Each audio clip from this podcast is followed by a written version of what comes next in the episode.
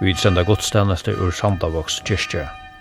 Salmaner sungne vera er fire prætika, 196, Røys opp i grøv, gods påskasål, 130, Hine venast av råsane fonden, og 125 er stande tøyne kropper tja. Og etter prætika, 620, eina fyr ut av et steg, og 132, føvre folten. Og salmane våre, 196, 130, 125, 612 og 132. Inga Paulsen Dam, prester prædikar, dekner er Eina Gudmundsen, klokkar er Jekvan Olsen, og vi orgle sitter Marius Dam. Ein sang fram i eisne, og hon er vi Lydia Johansen, som fyrir sinja heileia nått.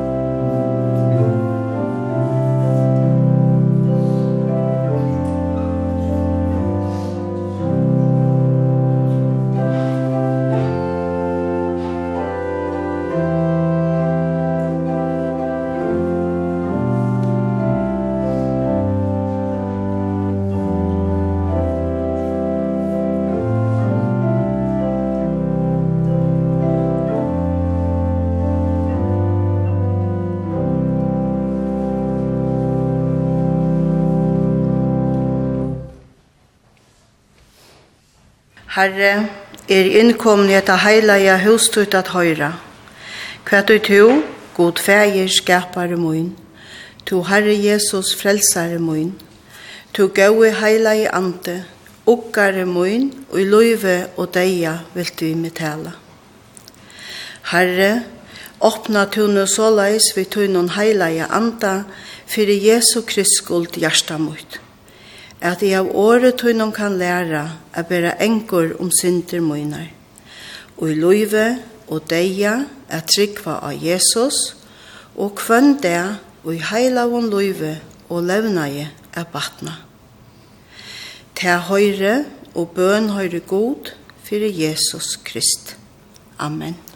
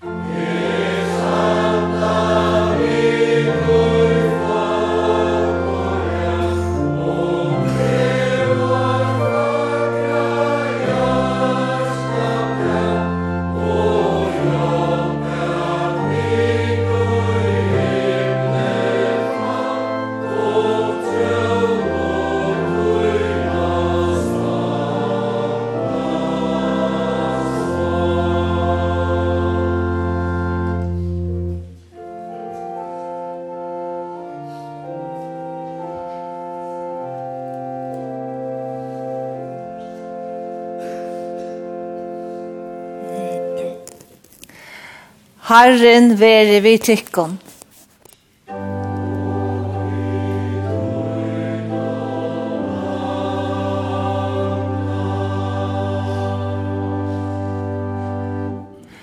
Lært om okkon at bya.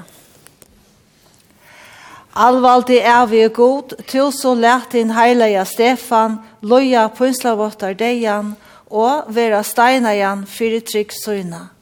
Vi bya til. Gjev okkon nøye til a lujtja sinon av Stefane, så eisne vid mi a læra at elska fortjundar okkara, og bya fyrir taimon og i farfylgja okkon, fyrir sånn Jesus Krist var han herra, som døye fyrir syndur okkara, og nu vit her liver og rævur og i einleika heilava andans, ein sannur god om alder og æver atler. Musik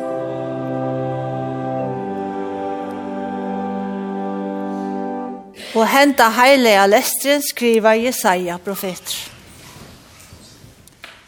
Herren drotten gav mer lær og sveina tungo, så jeg skulle til Kina og a styrkja til makta og. Og hver jo måttne han veker mot øyra, at jeg må teka etter eins og lærer sveina gjerra. Herren drotten åpna i øyra mot, og jeg var ikkje møtrasen og bær meg ikkje undan. Taimon og slåa med vei er fram ryggmun. Jeg holdt ikkje anlet mot kvørste fyrir spotte etla spott. Herren drotten hjelper mer. Tøy beit ikkje spotte av mer.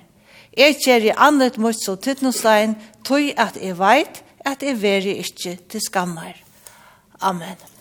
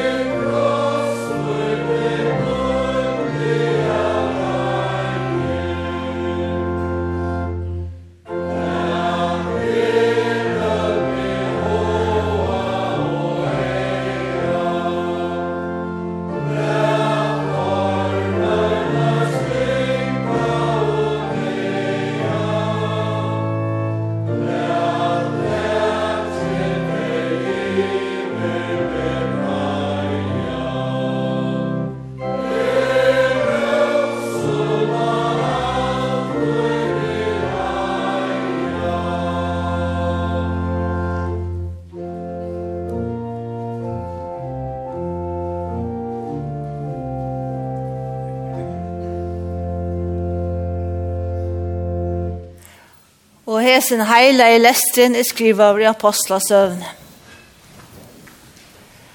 Men Stefan gjør det fotler av nage og kraft, under og stør teke med det følge. Men ta steg og opp nekre menn fra to samkomme husen som er kattlet etter Libertinon, og Kyrineingon, og Alexandriumonon, og nekre av Taimo fra Kilikio og Asion. Og der hadde året drått ved Stefan. Der kunde ikkje stande møte til vysdomme og til anda som han tala i av. Ta fink og tar løgnelige nekra menn til å sija, vi da hørst han tala spottår, møte Moses og møte gode. Og tar øst og oppfølgje, og henne eldste og henne skriftlærde, og tar fjore etter honom og tog han og fjore vi honom til røye. Og tar fjore fram lige vittne som søtt og hese med vår helter ikke opphatt at tala imot i hesen heilige stege og mot lovene. Til at vi hava hørst han sia at hesen Jesus ur Nazaret skal brøta nyer henta stegen og brøyta tar sier som Moses er finnjokk. Men ta et har hørt og hetta, nei ta taimnat hjärsta og tar bit og kampe mot i honom. Men han hukte opp til himmels, fotler av heilan anda og sa god stort, Og Jesus standande vid høgre hånd Guds. Og han sier, Soj, er så inte himlarna åpner, og menneskesåne standande vid høgre hånd Guds. Men der skår i et hardt råp og hylte för øyrene av seg, og lå på åen alla som ein. Og der kørte han ut ur stenen og steinet han. Og vittnene løtt og klæje sunne nyer ved føtterne av en unge manne som er Saul og tar steina og Stefan. Mian ber han og sier, Herre Jesus, tek to mot i anda munnen. Og han fettla knæ og råpa i vi herrar i rødt, Herre, råkna taimun ikkje hesa sint og poi. Og uti han hetta sier, sovnai han bort. Og let nokko sema jotta okra kristna trygg. Vid avnokta djevelen, atlar gjerningar hans og atlan etbor hans. Vi trykk på god färger hin allvalda skapare himmels og gjerrar. Vi tryggva av Jesus Krist, Guds einborna son var han herra, som er giten av heila og anda, boren i heim av Marie og Møy. Pønslar under Pontus og Pilatus, krossfester deir og gjerravur.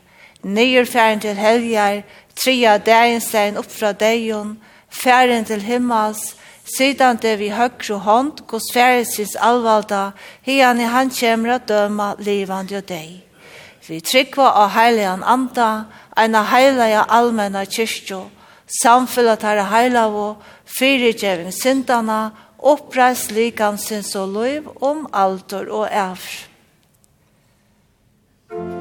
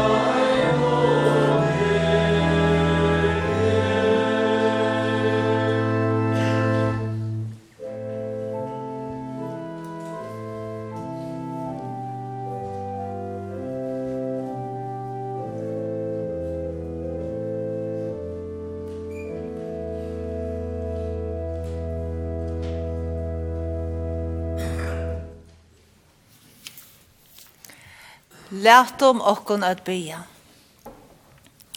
God lætum fri som hakri er, en manna vid kan fæta her, vår hjärsta så vel væra. Og Jesus er at okkon tja, tan jævla glede finna små, som aldri bort skal være. Amen. Hetta heilaja evangeliet til annan jævla der skriver Matteus evangelister og i 12. kapittel. Kvørt han, og i tøy vil kjennes vi med for mannen, han vil eisne er kjennes vi for fjærmøynen som er i himmelen.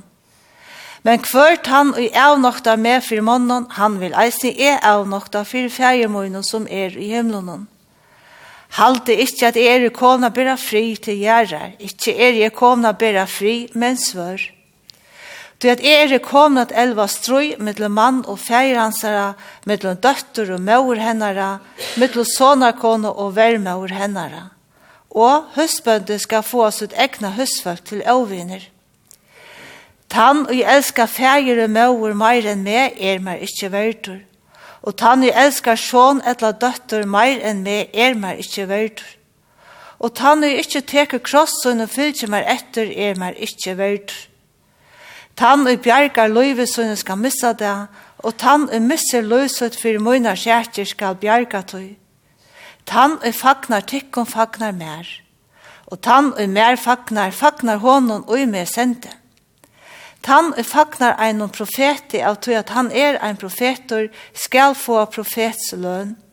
Og tann og fagnar ein og rattvøyson av tøy at han er rattvøysor, skal få som og løn som ein rattvøysor og tann og gjevur ein av hins og minst og små av og børst eina skal av kaldt og vatten å drekka, av tog at han er en læresveinor, sannelig a sier tikkon, han skal alls ikkje missa lønsøyna. Heila i fjær, vi takkar der fyrir til teile år til okkar i dag, år til til sannleikje, leta løs okko vegin til sannleika og sel. Amen.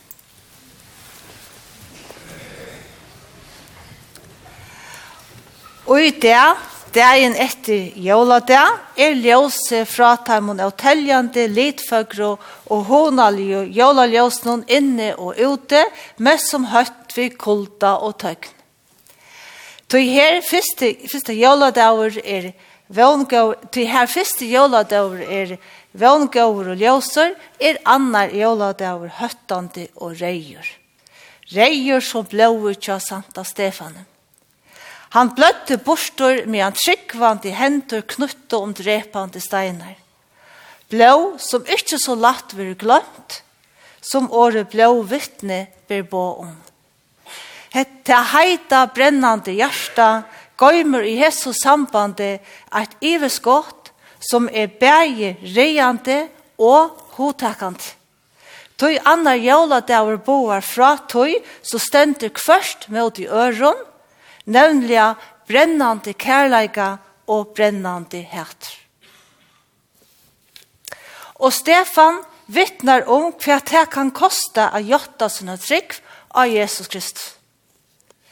Det er Salman Rushdie som i bøkjen de sataniske vers sier at eittale er det vanta myglaste av øtlund tølund, tog her eittale vil einaråande, skulle alle måner strykas borster, hvert lit brukte malas iver, hver ein delur vera hakkaver, hvert fjall lakka og hvert fravik pilka sundr. Tøy all skulle hugsa og gjera ta sama, all skulle genge takt og vera eins. Og i det, anna Jola, det, var nettopp greit fra hvordan eittale og i båskapen om hvordan nærvære og i nøyfødda baden var kjelda til strøy og æsøkt og drap. Stefan var den første som var offer for eittale. Han tala i spottor mot Moses og mot gode, og så var han steinaver til deia av taimon som hylte seg hava ratt til å handla i Guds navne som Guds utvalda folk. Og så las her man helt fram til dagsins og tørkjelig nøytøy. Stefan gikk ikke takt. Det gjør du heller ikke til som under rakstar råpen og alla akvar er og drypen og myrt. Og telljande ånder blåvittne. Det er sjoldan at vite det høyre folk sier Santa Stefans stavur om Anna Joladan. Og spørningen er om det er lykka mykje at vi ikke kallar dagen som man opprunalig eit. Ikke minst i det, nå vi høyra hvordan det er kristne, være etsøkt og drypen, og må flytja ur London, hver kristne folk hava bo i 2000 år, og her er trett sies at være ein tann mest forfyllte bøkgrunn av menneskjon, tøy de er og kristen. Og samtidig vida vid hvordan de kristne menn kan hava vilja at attale skulle skulle være einar råd.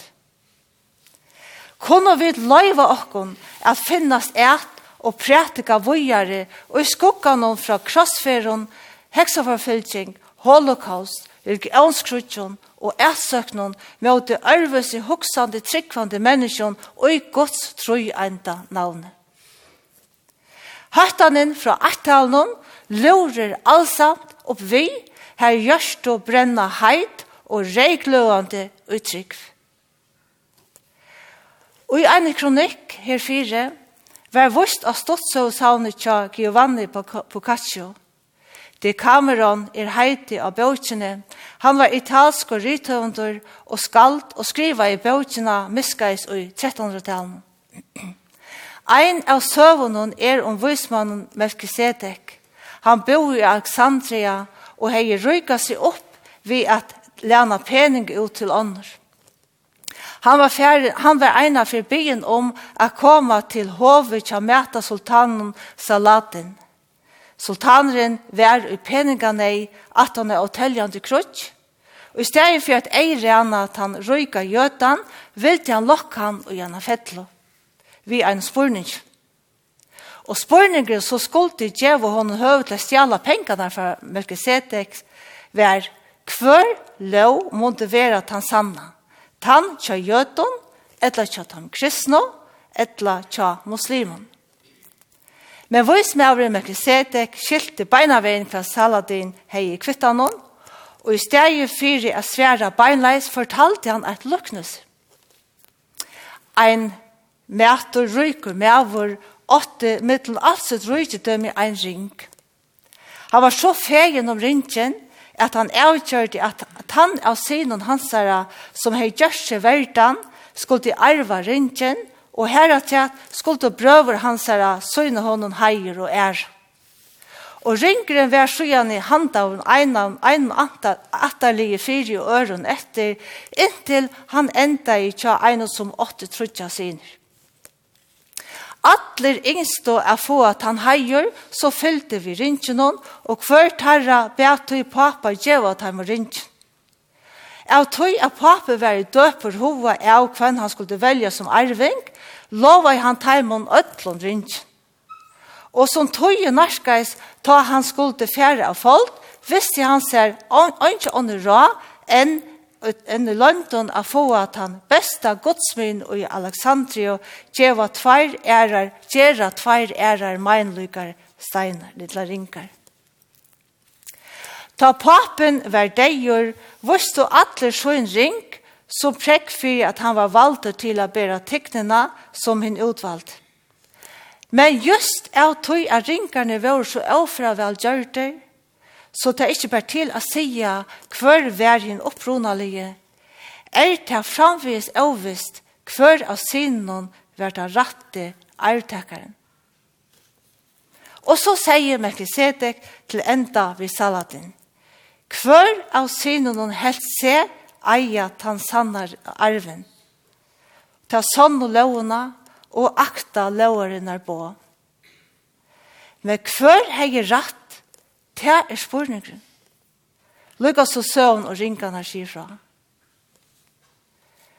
Jeg halte at vi vi her dømen dømnen kunne kjenne hva bor under attalen og kristne tøtning.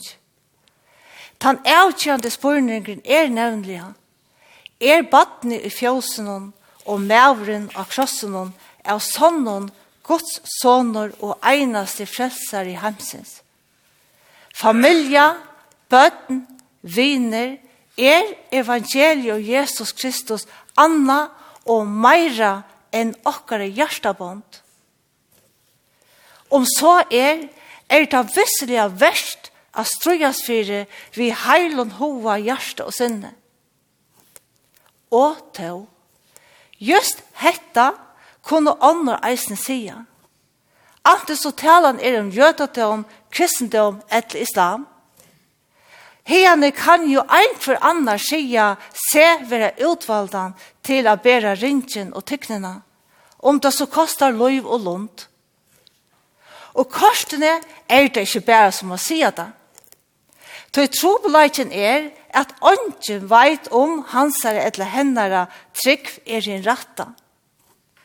Og i søvne var tveir nøtje ringar gjørter, men tan eine opprunalige og ektaie vær framvegis hins samme. Han var ikkje støpter om til trutja ringar. Hetta skulle det hava til merkes. Det skulle finna eit bad reiva og lytjandi ui ein kropp. Søtja vit månen og ættalnen, så vi vera einarående. Tui at skulle hoksa gjøre det samme, og av batten i fjøsen. Til er måttmykla, utsetta, sårbæra løyve. Hemsens einasta verulega størvelde av himmelskund dimensjonen. Ein åpen himmel av gjør, reiva og lytjant i en kropp. Og så mævren av krossen. Han ombrøtte en barbarisk kross til at være et størst symbol og på kærleika og fyrirgjøring. Og vente tøyskjel opp og nyr av ettallet. Jeg er ikke kommet å bære fri med svør, sier han. Det vil si at det er svøret som ikke gjør nekra neisemjo vi ønskapen. Men letter kærleikan vera einarånd. Og kærleikan letter ånka til fem og tjei vera lyka. Legendan om Kristoforos, det vil si han som ber Kristus, sier fra en er kjempo, så vil det tjene til mætas av kongenon. Men kongeren, ja, han var i tjenest, og, og, men kongeren han var i tjenest, så tja, øtta i djevelen. Kristoforus var sjøene setter i starv til djevnen. Ta tar ein dagen kom til et sted av vennen, hver en krosser var rastor, før djevelen ein omve. Djevelen sier at han var tog krosser var et tekjen på at han krossfesta og opprystna Kristus, og Kristus vil de ikke ha vi han å gjøre. Du ikke kan med det gode. Kristoforo sette seg skyene ferie å finne Kristus. Han fikk at vite at han skulle fære åma til en å, og hjelpe gamlen og veikon iver om, til jeg hente hatt, kunne han tjene gode og mennesker. Et kvöld i hørte han en badnarød sige, hjelp meg iver om. Kjempa han sette badne opp av herrene og fører sted ut i ånden. Det var herre streimer, og det var nasta så badne trøst i hans herre høver nyer under vattnet. Han kom utlekvaver opp hinum vegin. Undrandi sier han, «Tu er spær et løyte baden, men det kjente som er bær atlan heimen. Tu bær atlan heimen, og meiri enn tea, sier badne og helt fram, «Jeg er Jesus Kristus som du tjener. Jeg døyper til vi navnet Kristus for oss, han som ber Kristus. Nå var kjempan kommet av mal, vi tog han yngste, vi sønne løyve, han hei båret han sterkaste i heimen, ta han som ber okkon og hemse sint. His sterske ber han som ber his sterske. Hetta er i botten og grund jólabåskapen. Tøy Hver er styrsten og rønt og ver? Ein mynd er i Jesu sambande, hon er mala av ein fenga som hei finnje løylengt fangsel. Mynden er av en persone som sass at han er fra. Personer fyrir sted fram i bøkter vekna krossen som han ber av sønnen herren. Tvör brotjen av krossen hon ligger i herre hansara og tynger av rytjen og spårene. Og man av krossen hon som han ber, ligger ein annan personer vi armen og tvørster om tvørbrokkan. Og så leis fer han gengande vi krossen hon og mannen hon av sønnen herren. Han gonger spekliga, fet fyrir fet, nasta som Kristoforos, ivre om henne av Under myndene hever fengt skriva, til stendur skriva, at du skal teka krosstøyn og fylgja Jesus. Jeg hever hoksa nekv om hva hese år mestja, og jeg spyrje meg sjolvan, er det det jeg som ber i krossen, etla er det i verilegan krosseren som ber meg. Jeg hever til rått at vysa boa tankene og i som moment. Ratteren hei dømt han til å bæra krossen av sunne sint og skuld. Samtøyes vær ein annar vereleidje som bær fengan. Han vær ikkje einsamadler om å bæra. Her vær ein vereleidje som kunne svela tostan etter frie og fyrigjevig. Nøyfødda badne i Betlehem og mæveren av krossen ber bå om ein kærleika som er som svøre, og skjer, og gjør noen alt vannløse, synd og skuld, så ta mitt i vannløsen i vann, mitt i avfrien og frier, mitt i deian løyv. Det er elver ofta til strøy og svarar trobeleikar, tog ta ber ikkje alltid til av vilja ta gaua og sanna åttan strøy og oppgjør. Men det er og i Jesus samband av Stefan er en og i okkara og friarlige kruksrakta heime og atlar tøyer. Tøy han brukte det einaste svøre så vi til eina og kvarja tøy kunne bruka. Han bær fyrir teimen som søkte etter noen, Lat fyrirgjering vera ta søsta året og ikkje hevnt. Og hauast vid ikkje åtta vojare kunne sija hver hevrin opprunalige og sanna ringen så kunne vi ta og sige så mye at kærleikje og hæter er ikke det samme. Ta så menneske som en Kristus for oss bæra kvann annan iver om alt som skiller sunter. Støyer het ektaja og opprunalige, og sanna opp av seg selv. Mitt middelmåner, ledbrygde og fravik. Tøy skal helle søtrop enda prætikuna annan jævla ta hon sier. Jeg vil det yngst at fundamentalistene kunne funne akkurat anna grunnleggjande at tidsje bokstavlige, nevnlige nasta kærleikje til dømes. Lov og takk og atlor heier veri tær gode varon, fægir sine og heila av anda, som alt hever veri, er og alt er verur, ein sannur tru einir god, hala over fra fyrsta opphavi og om atlar ever. Himmarske fægir, vi tæva ikkje tøyna styrkje og uttalne, det hender så ofte at vi missa til menneskje, vi åtta at hjelp, og så lyda okk. Vi bya til Legg tunnar hendur og okkara hendur og hjelp okkun að bera iver om alt som skilir sunt. Høyr okkun ta vid i Jesu navne bya, vars Herra Jesu Krist frigjør veri vi okkun atlar av. God trost alt teis som sjuk og sorgabunden er og anna kvarter nær etla fjær. God varva til kristne søgn og atla kristna ivervöld, God gjev okkun ötlun fri og sel. Amen. så skal jeg si fra at nødgjørs aften vil godstandelse klokken 11, og nødgjørs det vil utrettet godstandelse, og ta vil godstandelse ikke klokken 11, men klokken 15. Og nå, 18 av prætikene, kommer Lydia Johansen og Sintja en sang, halka stund, og takk for det, Lydia. Og let noe vi apostelen ikke kvarnør. Takk at vår Herre Jesus Krist nøye og kærlighet til gods og samfunnet hele av andas for vi og kon ødelen.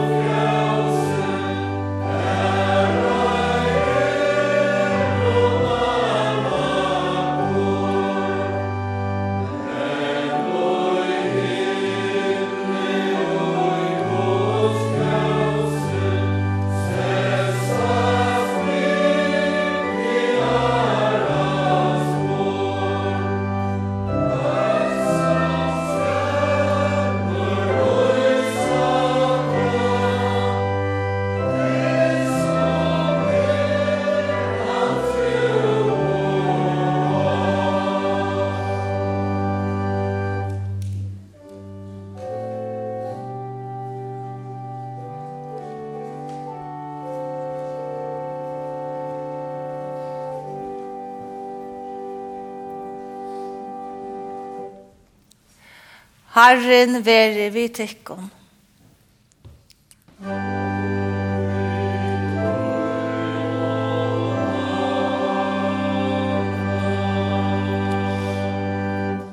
Lært om okkon er bya. Alvaldi er vi god, vi takkar til her, til at du hever lært i jola på tøyne, koma eisen til okkara.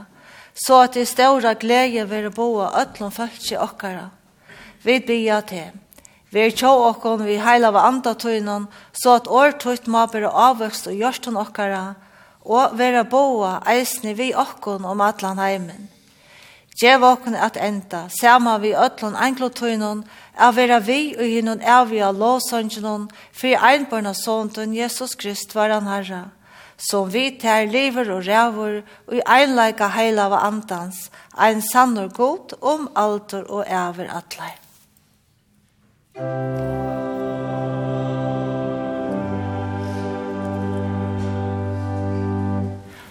Herren var sikne til og varvet til. til. Herren lette anløs ut lyse ivet til og være til nøyvor. Herren lytte opp avstånd i ivet til og gjøre til fri.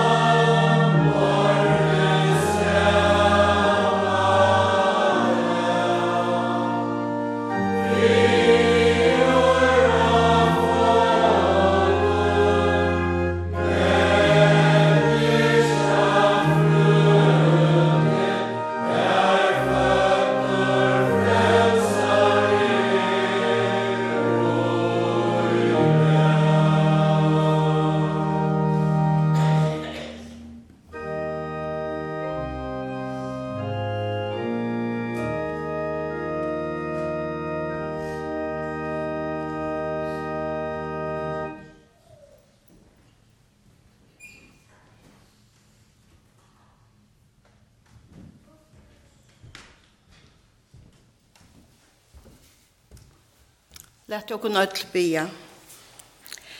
Herre, jeg takkje til av öllum hjarta munnen, for at du hefur lært meg hva du vilt at jeg skal trykva og gjera. Hjelp meg nå god munn, vi heilige andatøynon fyrir Jesu Krist skuld, at jeg må varvaita årtøyt og regn og hjarta, av tøy styrstjast og trunne, og i heilavon levna i batna, og med vi til og i løyve og deia oka.